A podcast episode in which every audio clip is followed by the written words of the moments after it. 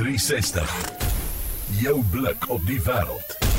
Waar ons gesels in hoe maak jy dit oor petrol van steenkool en ons het vir Leon Grywenstein se ons op die lyn. Hy's 'n tegniese adviseur vir vloeibare brandstof by Sasol in Sekunda en hy's 'n chemiese ingenieur wat 22 jaar by Sasol werk in die raffinering, meng en brandstof omgewing. Ja, dis intimiderend Leon, baie welkom. Baie dankie vir die geleentheid.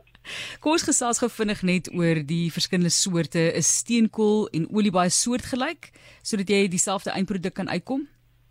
Ja, steenkool en ruolie word beide bestempel as fossiel brandstowwe wat basies gevorm word uit die oorskot van uh, dooie uh, materiaal, organiese materiaal.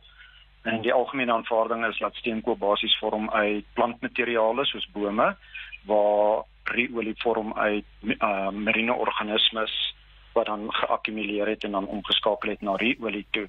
So die proses waar mens ruolie en steenkool vandaan kry is basies min of meer dieselfde behalwe dat die voerstowwe dan verskil. Ehm um, wat wel anders is is omdat olie uh, 'n uh, vloeistof is, ehm um, is die organiese spesies wat reeds in die olie is, ehm um, word gebruik dan om brandstowwe te vorm waar ons wat dan nou steenkool gebruik moet eers die uh, steenkool vergas om die koolstof dan in die hande te kry en dan sal ons die molekules bou basies uit die uit die koolstof en waterstof uit. So dan dan bou ons die molekules wat ons nodig het en dan albei gebruik men nog meer dieselfde proses in die raffinering om dan nou PPG en petrol, diesel en brandolies te ver, vervaardig. Jy weet oor die oorlog in Oekraïne, hoor mense nou baie van olie en Rusland wat die wêreld se grootste uitvoerder is van olie en natuurlike gas op hierdie globale markte. Hoekom het ons baie steenkool maar nie baie olie nie wat ons in 'n moeilike posisie plaas, né? Ja, dit plaas ons in 'n moeilike posisie. Dis maar omdat geografies was Suid-Afrika maar uh, 'n uh, deel van die wêreld wat deur plantegroei bedek was en dan het steenkool uit die plante uitgevorm waar lande met oliereserwes was dan op die seebodem waar mikro uh, marine organismes geakkumuleer het en dan later natuurlik ehm um, geskuif het dat dit op die vasteland is. Dis ook hoekom mense platforms in die olie olie platforms in die see kry om olie te ontgin is omdat dit juis uit marine organismes vorm. Goed, nou moet jy vir ons verduidelik asseblief vir die leek om dit te verstaan die proses om steenkool in petrol te omskep. Ja, wat wat ons doen is ons neem die steenkool en vergas dit in die teenwoordigheid van suurstof en water om basies 'n rigas te vorm. Die rigas bevat dan natuurlik onsuiverhede want dan daar swaal ensovoorts in die steenkool. En dan uh, wat ons doen is ons suiwer dit om koolstofmonoksied.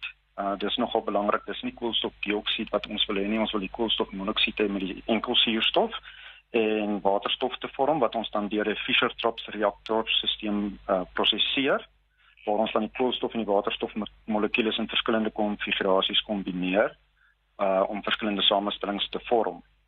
Uh uit uit daai proses uit kry ons dan 'n gasstroom wat ons kriogenies fraksioneer om kondensate te vorm. Um wat 'n voermiddel is vir die raffinaderry en dan het ons dan 'n ligte en 'n swaar sintetiese olie wat ons vorm wat die ligte olie vorm dan basies jou petrolprodukte en jou swaar olie jou um dieselprodukte en brandolies en dan het ons 'n waterryke chemikalieë stroom wat uitkom wat ons dan nou gebruik om al die chemikalieë te suiwer wat ons dan produseer. Kom ons gesels oor byprodukte. Wat bly oor aan die ander kant? Ek kyk altyd na byprodukte as 'n negatiewe ding, jy weet, so help maar 'n bietjie vir ons daarmee in terme van die byproduk en of dit enigstens nog verder bruikbaar is. Ja, ons ons het 'n uh, redelike klomp byprodukte, maar nie in 'n negatiewe sin nie. So uit ons proses uit het ons ehm um, suiwer ons byvoorbeeld swaal en ammoniak uit die vergassingsproses uit. Ehm um, wat gebruik word in die kunsmisbedryf en die ammoniak wat ammoniumnitraat word wat ons dan ook in die springstofbedryf gebruik. Ehm um, daar is uh ook 'n groot verskeidenheid uh, monomere en chemikalieë wat ons vorm waar monomere gebruik word om plastieke te, te vervaardig en die chemikalieë gebruik word as opposmiddels daar's fenole wat in kontaklensbedryf gebruik word, uh kooks wat vir staalsuiwering gebruik word.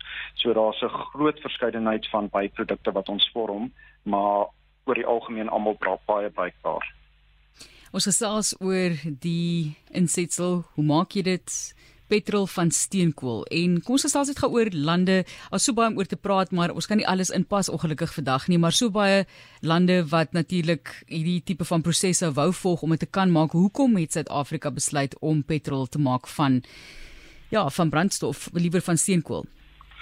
Ja, ag die ehm um, die besluit was gemaak deur die destydse regering ehm uh, wat dit noodsaaklik geag het om die uh ekonomiese ontwikkeling en selfstandigheid van die land te te vestig. En aangesien ons nie oliereserwes het nie, was die land baie kwesbaar indien olieverskaffing van die buiteland af belemmer word. Uh omdat ons dan nou die olie ag die steenkoolreserwes het, was dit 'n belangrike stap in ons geskiedenis om die sekerheid van voorsiening te beskerm deur ehm um, teen teen die beskikbaarheid van olie om uh, en tegnologiese ontwikkeling te stimuleer en dit is hoekom hulle toe nou Sasol in die lewe geroep het wat dan nou steenkool gebruik wat 'n laaggraad steenkool is wat nie baie kommersiële applikasies het nie wat ons toe nou 'n kommersiële applikasie gekry het om die brandstowwe en en chemikalieë te vervaardig van. Net om daarbey dan aan te sluit, as mens kyk in die globale konteks, so hoe duur is hierdie proses en is dit enigsins 'n uitweg vir ons midde die omstandighede wêreldwyd? Ehm um, ag dis vanselfsprekend dat die proses natuurlik uh om steenkool te myn en te vergas en te verwerk om op die punt te kom om 'n sintetiese olie te hê, is natuurlik baie kapitaalintensief uh of koste-intensief, maar ehm um, ja, ons bedryf wel in 'n uh, baie kompeterende arena, maar dis ongelukkig kommersieel sensitiewe inligting wat ek nie nie mag deel op die lig nie. Ek verstaan. Ons ons het begrip. Baie dankie daarvoor. Ja, so dis baie baie interessant. Daar's so baie om oor verder te gesels, maar dankie dat ons nou 'n begrip het en 'n idee het van hoe petrol van steenkool gemaak word. Leon, ons gaan nog vir jou baie nader trek in hierdie tipe van rigting want dis fascinerende prosesse wat ons nie altyd van weet nie. Ek het eers geweet dit is 'n geval nie. Hier het ek ook nou vandag iets geleer. Baie geleer. Baie dankie Leon, ons waardeer dit. Baie baie dankie vir die geleentheid. Ek waardeer dit baie. Dit is Leon Grywenstein, hy is tegniese adviseur vir vloeibare brandstof by Sasol in Sekunda, chemiese ingenieur wat 22 jaar by Sasol werk in die raffinering, meng en brandstof omgewing. Fascinerend, die werk wat mense doen.